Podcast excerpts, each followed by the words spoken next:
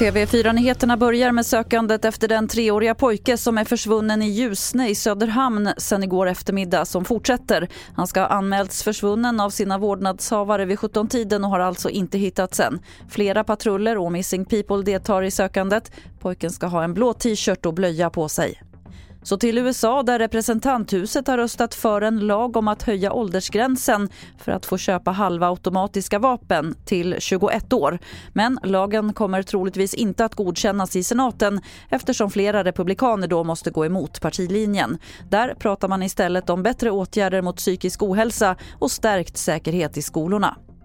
Efter TV4-nyheternas rapportering om att många regioner ser en ökning av antalet överviktiga barn de senaste tre åren så kommer nu krav på åtgärder. Fler barn som lider av fetma måste få behandling för sina problem. Det menar den ideella organisationen Hälsa oberoende av storlek. Jenny Winglid är ordförande. Regeringen måste ju ta det här eh, på allvar. Eh, vi har rätt, barn med obesitas har rätt till att få behandling inom specialistnivå precis som barn med astma, psykisk ohälsa, celiaki. Vi måste resurssätta eh, vården för att öka behandling för barn med obesitas. Fler nyheter finns på tv4.se. Jag heter Lotta Wall.